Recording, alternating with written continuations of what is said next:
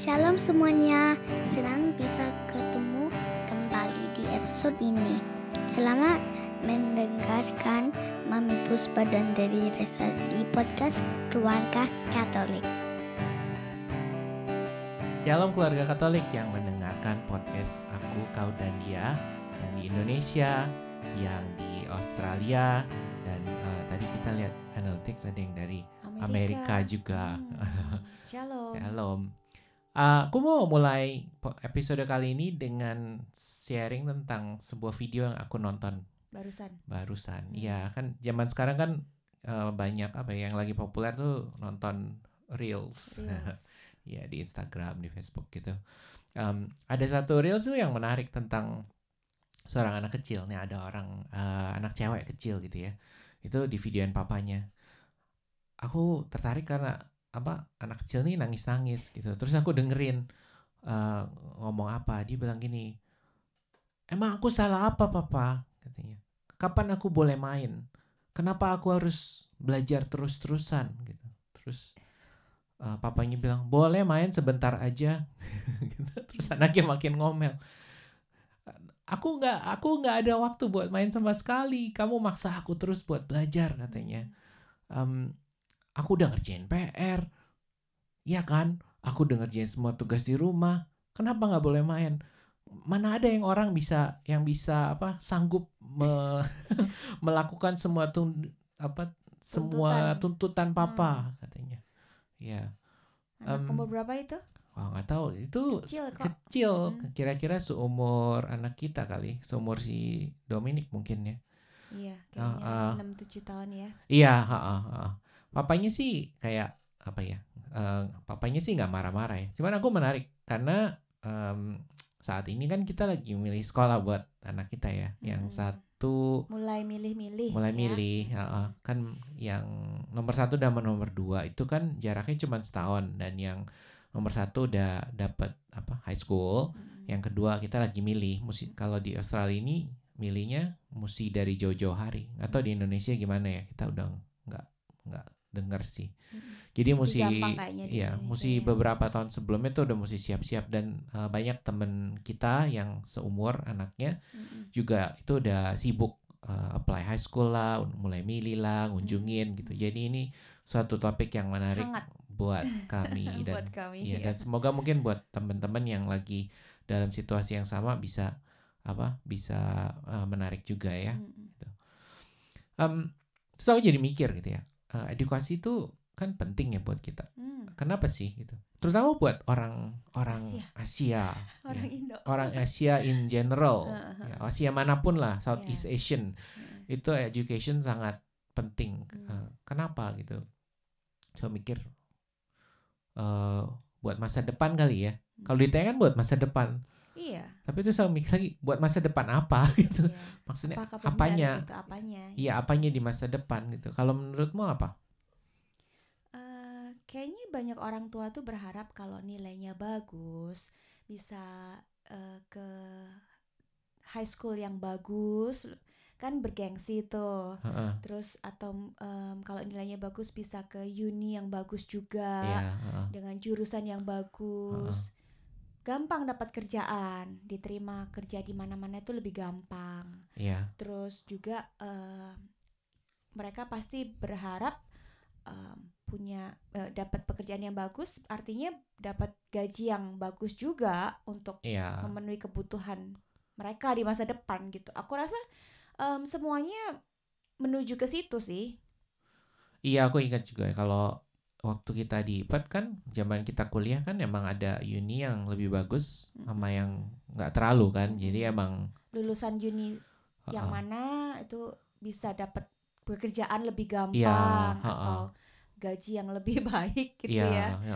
Ya, itu betul sih kayak adekku kan arsitek. Dia kan cerita kalau di arsitek tuh tergantung apa? eh, banyak eh, koneksi. Jadi Hmm. eh, pekerjaan karena bidangnya kecil, jadi pekerjaannya tergantung siapa yang dia kenal. Jadi kebanyakan apa? Kebanyakan bosnya juga itu dulu lecturernya Lecturer dia. dia. heeh. Mm-mm. Emang eh, bener sekali sih gitu. Dan untuk orang Asia kan sangat umum ya Mm-mm. eh, untuk masuk ke profesi kedokteran bisnis, Iya. akuntansi, sama computer science gitu. Mm-mm. Ya, dulu waktu leb- lebih muda aku sering sering disang disangka lulusan IT sih karena Asia.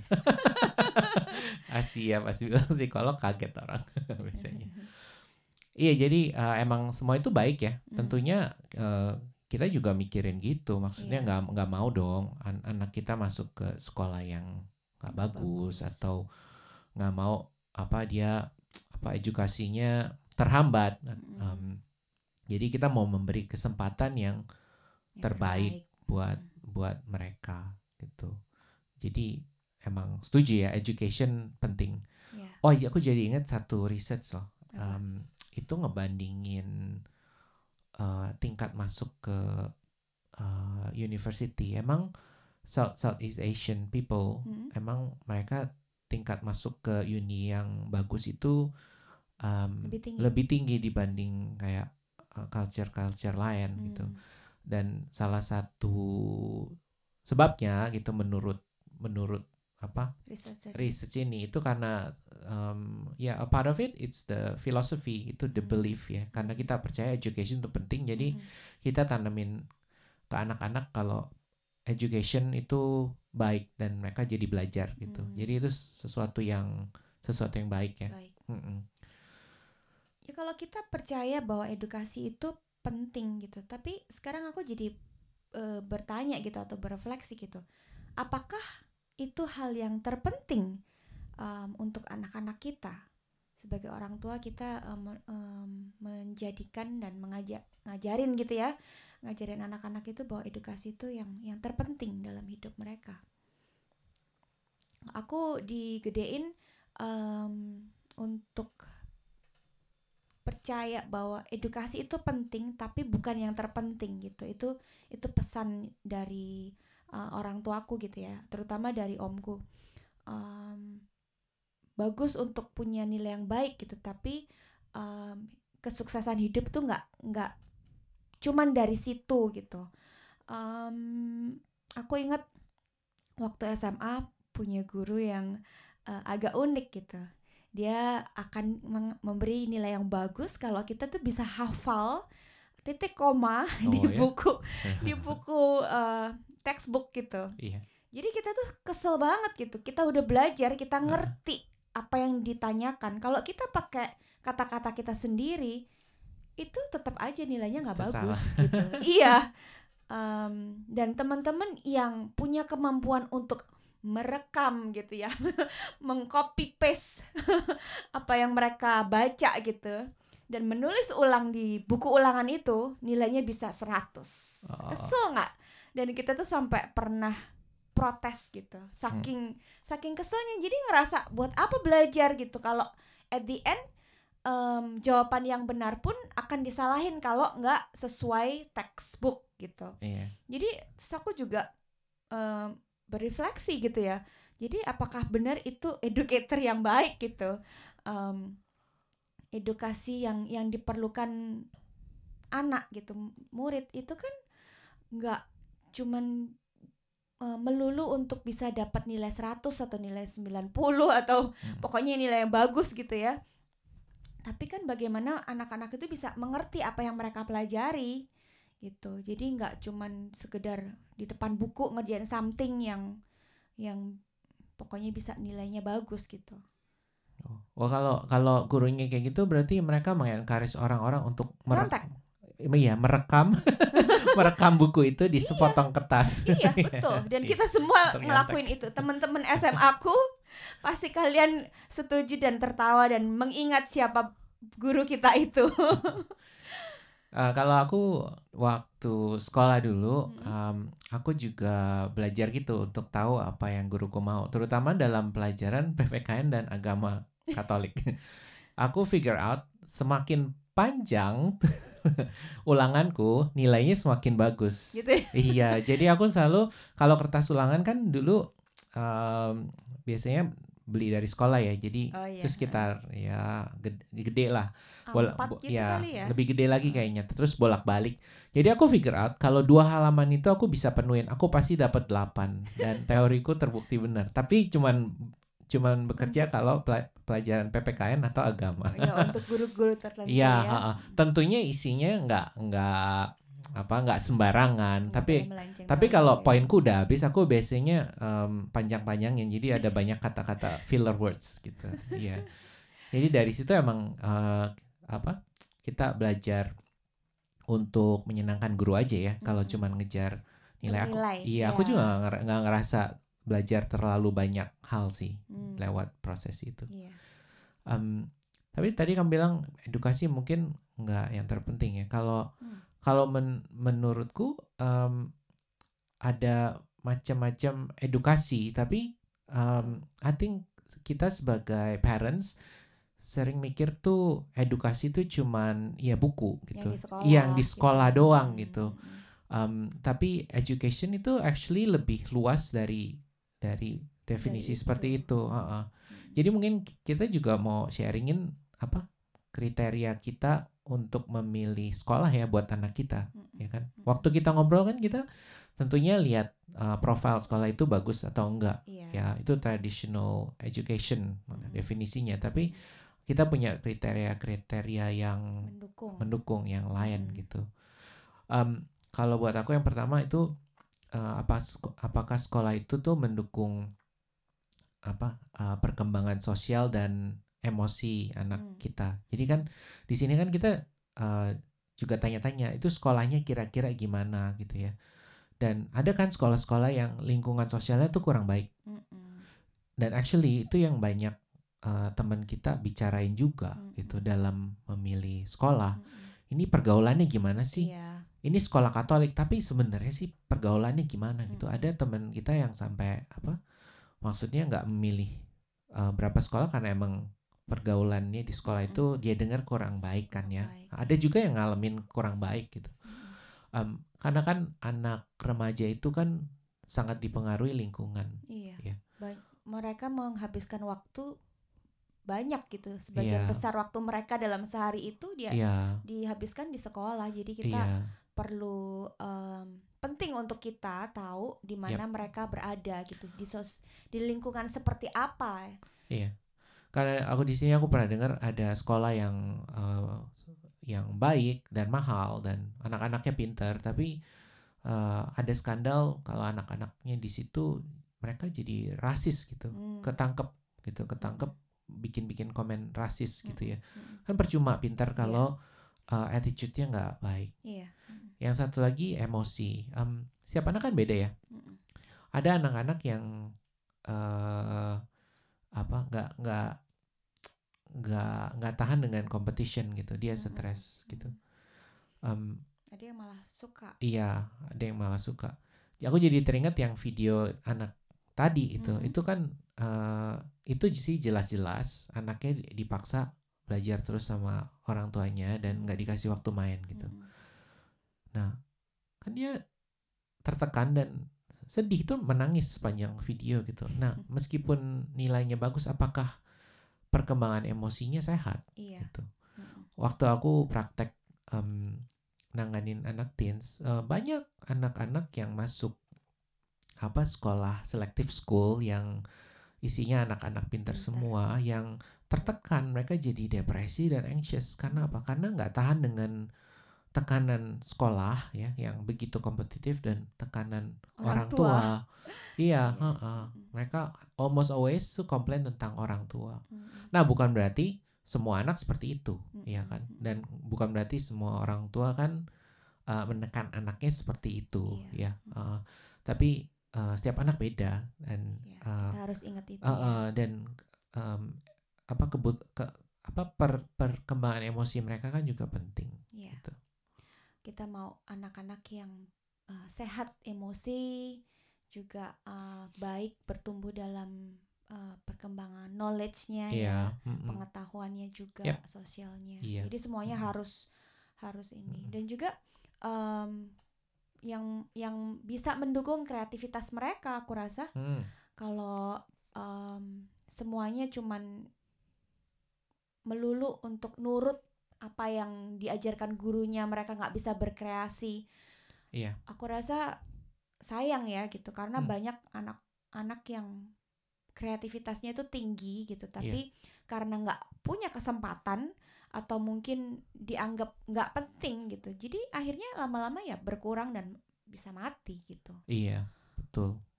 Em, jadi ya perlu membiarkan kreativitas mereka juga Mm-mm. berkembang dan artinya kreativitas mereka berkembang juga em, buat aku orang tua juga nggak gampang. Aku aku juga perlu em, belajar untuk membiarkan mereka kotor membiarkan mereka em, apa kita repot gitu ya membersihkan dan eh, siapin barang-barang dan segala macem. Ada resiko ada konsekuensi tapi kalau ngelihat eh, in the long term gitu eh, bahwa kita mau membiarkan mereka berkreatif berkreasi em, aku rasa seneng gitu saat mereka bisa dengan bangga eh, menunjukkan kre- apa hasil kreasinya seperti Mm-mm. apa itu itu juga sesuatu yang em, perlu diperhatikan Iya, betul. Hmm, hal lain yang menurut aku penting itu kalau sekolahnya juga mendukung un- anak-anak itu punya em, apa ya keingintahuan yang yang besar gitu kayak curiosity. Jadi em, kalau mereka nggak kepengen tahu gitu mereka nggak cari tahu hal-hal baru gitu em, ya akan stuck di di situ-situ aja gitu kan. Jadi cuma nerima apa aja yang yang gurunya bilang. Tapi kalau em, anak-anak yang curious dan didukung gitu ya dan di disupport curiosity-nya mereka akan bereksperimen akan berani untuk em, mencari tahu hal-hal yang yang mungkin em, belum pernah diketahui atau Iya, atau em, belum pernah dipikirkan gitu ya iya. Itu butuh keberanian kan kalau uh, anak itu bisa ingin tahu dan dia nanya merasa ya dia bisa menanya, dia merasa Mm. bebas untuk mencoba, Mm-mm. mencoba hal yang baru itu kan berarti dia bisa uh, inovatif gitu. Mm-mm. Iya. Dan em, hal terakhir yang menurutku penting gitu em, dalam milih sekolah itu juga kalau di sekolah itu ada lingkungan yang mendukung dia untuk mengembangkan eh, namanya analytical thinking itu Hmm. jadi kemampuan dia untuk memecahkan masalah ya kan terutama masalah-masalah yang nggak ada solusinya ya kan kalau kalau kita cuma belajar ngapal sama Mm-mm. ilmu yang orang udah tahu kan itu berarti oke kalau masalahnya A jawabannya B kita udah tahu yang nggak butuh banyak mikir selain nginget kan Mm-mm. tapi misalkan eh, oke kita mau memecahkan masalah homelessness nah itu kan nggak ada solusinya gitu dan butuh butuh eh, kemampuan analitis untuk melihat masalahnya apa dan cara mecahinnya gimana Gimana? gitu. Jadi buat buat kita edukasi juga em, harus mencakup semua itu gitu ya. Jadi kita mencari sekolah yang yang bisa support gitu. Tentunya kita paling nggak mau kalau kalau sekolah itu cuman encourage orang anak itu buat apa dapat nilai oh, bagus dapat nilai bagus dan ngapal, tapi harus Iya. mendukung hal-hal yang ini. hal lain Iya, dan kalau dipikir-pikir orang-orang yang sukses, kita ambil siapa ya? Yang lagi hot kan Elon Musk lah. ya. Hmm. Dia kan kreatif Mm-mm. dan dia curious dan Hmm. dia eksperimen kan. Iya. Kalau uh, dan apa? uh, kita lihat banyak mobil Tesla di jalanan gitu. Itu kan mobil listrik bukan dan bi- dia bisa produksi seperti itu. Itu kan butuh keberanian dan kreativitas untuk mikirin hal-hal yang gitu dan yang um, belum pernah yang ada belum pernah ada gitu atau mungkin dia uh, mungkin udah pernah ada tapi kalau nyatanya kan belum belum ada di jalanan Mm-mm. kalau dia bisa taruh tuh mobil di jalan kan berarti dia juga bisa memecahkan masalah-masalahnya sehingga Iya. iya jadi orang-orang yang inovatif yang sukses yang um, yang terkenal um, most of them bukan cuman nilainya bagus Mm-mm. bahkan ada yang nilainya jelek tapi kemampuan-kemampuan apa em, yang baru kita sebut itu mereka punya dan mereka sangat kuat Mm. gitu dan dan tentunya secara sosial mereka harus harus apa harus eh, harus pintar untuk Mm-mm. untuk bekerja dengan orang, lain, iya Aku pernah em, dengar tentang uh, kayaknya ini ibu-ibu uh, researcher juga gitu dia mengamati bahwa Hmm. uh, orang-orang yang yang bisa sukses itu bukan sekedar orang yang yang nilainya bagus dan ini tapi juga um, punya apa ya kemampuan untuk terus coba sekalipun sekalipun belum sukses dalam Hmm. jangka yang panjang Hmm. gitu nggak cuman dalam jangka dekat gitu ya Mm-mm. Em, tapi itu yang yang terus menerus gitu dalam jangka yang panjang gitu Hmm. jadi em, ya I think it's it's not a an easy things to do gitu Hmm. buat kita sendiri juga kalau kalau kita udah fail beberapa kali kecenderungannya ya pasti nyerah gitu ya Iya. atau eh, cari something else Hmm. gitu tapi eh, dia bilang karakter ini gitu em, itu itu sangat membantu gitu dan ya aku aku suka sih sama itu Iya. tentunya tentunya hal-hal yang yang kita mention barusan itu nggak didapat dengan eh, menghafal dan mengingat cuman mengingat pelajaran di sekolah gitu ya yang Iya. diajarkan di di buku-buku gitu tapi itu kompleks gitu semua harus eh, diperhatikan dan Iya.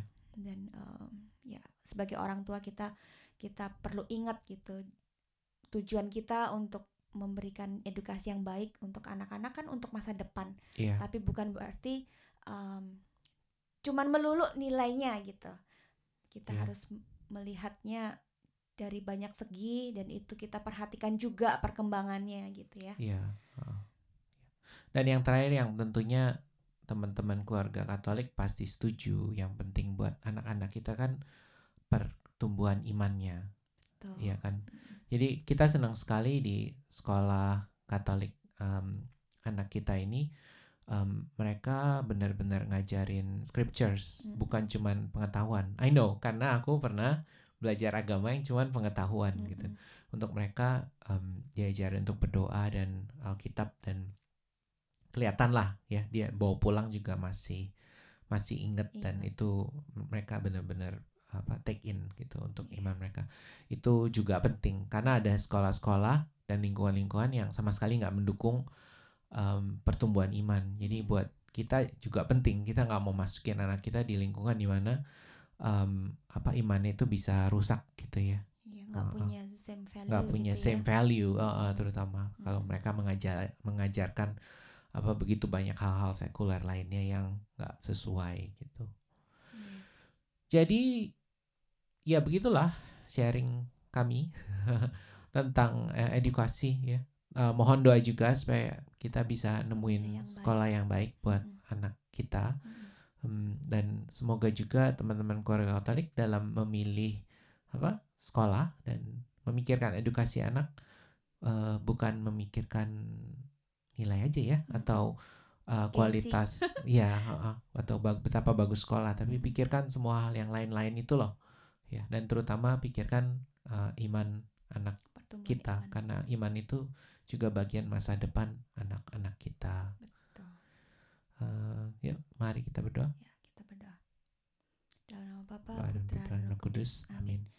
Bapak yang baik, kami bersyukur hari ini kami boleh ngobrolin tentang um, satu hal penting dalam keluarga kami.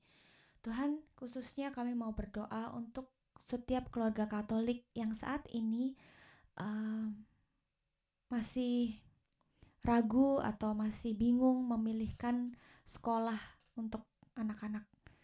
Um, kami nggak pengen Tuhan memilihkan sekolah yang kurang baik. Tentunya kami berharap kami memilihkan sekolah yang baik untuk masa depan mereka. Um, setiap keluarga punya list-list tertentu yang yang ingin kami penuhi. Tuhan bantu kami setiap orang tua untuk boleh mendengar suaramu juga, untuk melibatkan Engkau um, Allah Roh Kudus dalam memilih, dalam um, menimbang dan memutuskan sekolah mana yang baik untuk anak-anak kami. Bantu kami untuk boleh um, melihat hal-hal yang baik dan um, terutama untuk pertumbuhan dan untuk masa depan anak-anak ini. Kami mau serahkan Tuhan um, pergumulan kami ke dalam tanganmu agar engkau mau memberkati, engkau mau berserta kami di setiap keputusan yang kami ambil. Terima kasih. Kemuliaan kepada Bapa, Putra, dan Roh Kudus. Daripada permulaan, sekarang, selalu, dan sepanjang segala abad. Amin. Dalam nama Bapa, Putra, dan Roh Kudus. Terima kasih sudah mendengarkan episode kali ini. Pastikan untuk subscribe podcast Aku, Kau, dan Dia, dan kunjungi website kami di keluargakatolik.online untuk info dan tulisan yang terbaru.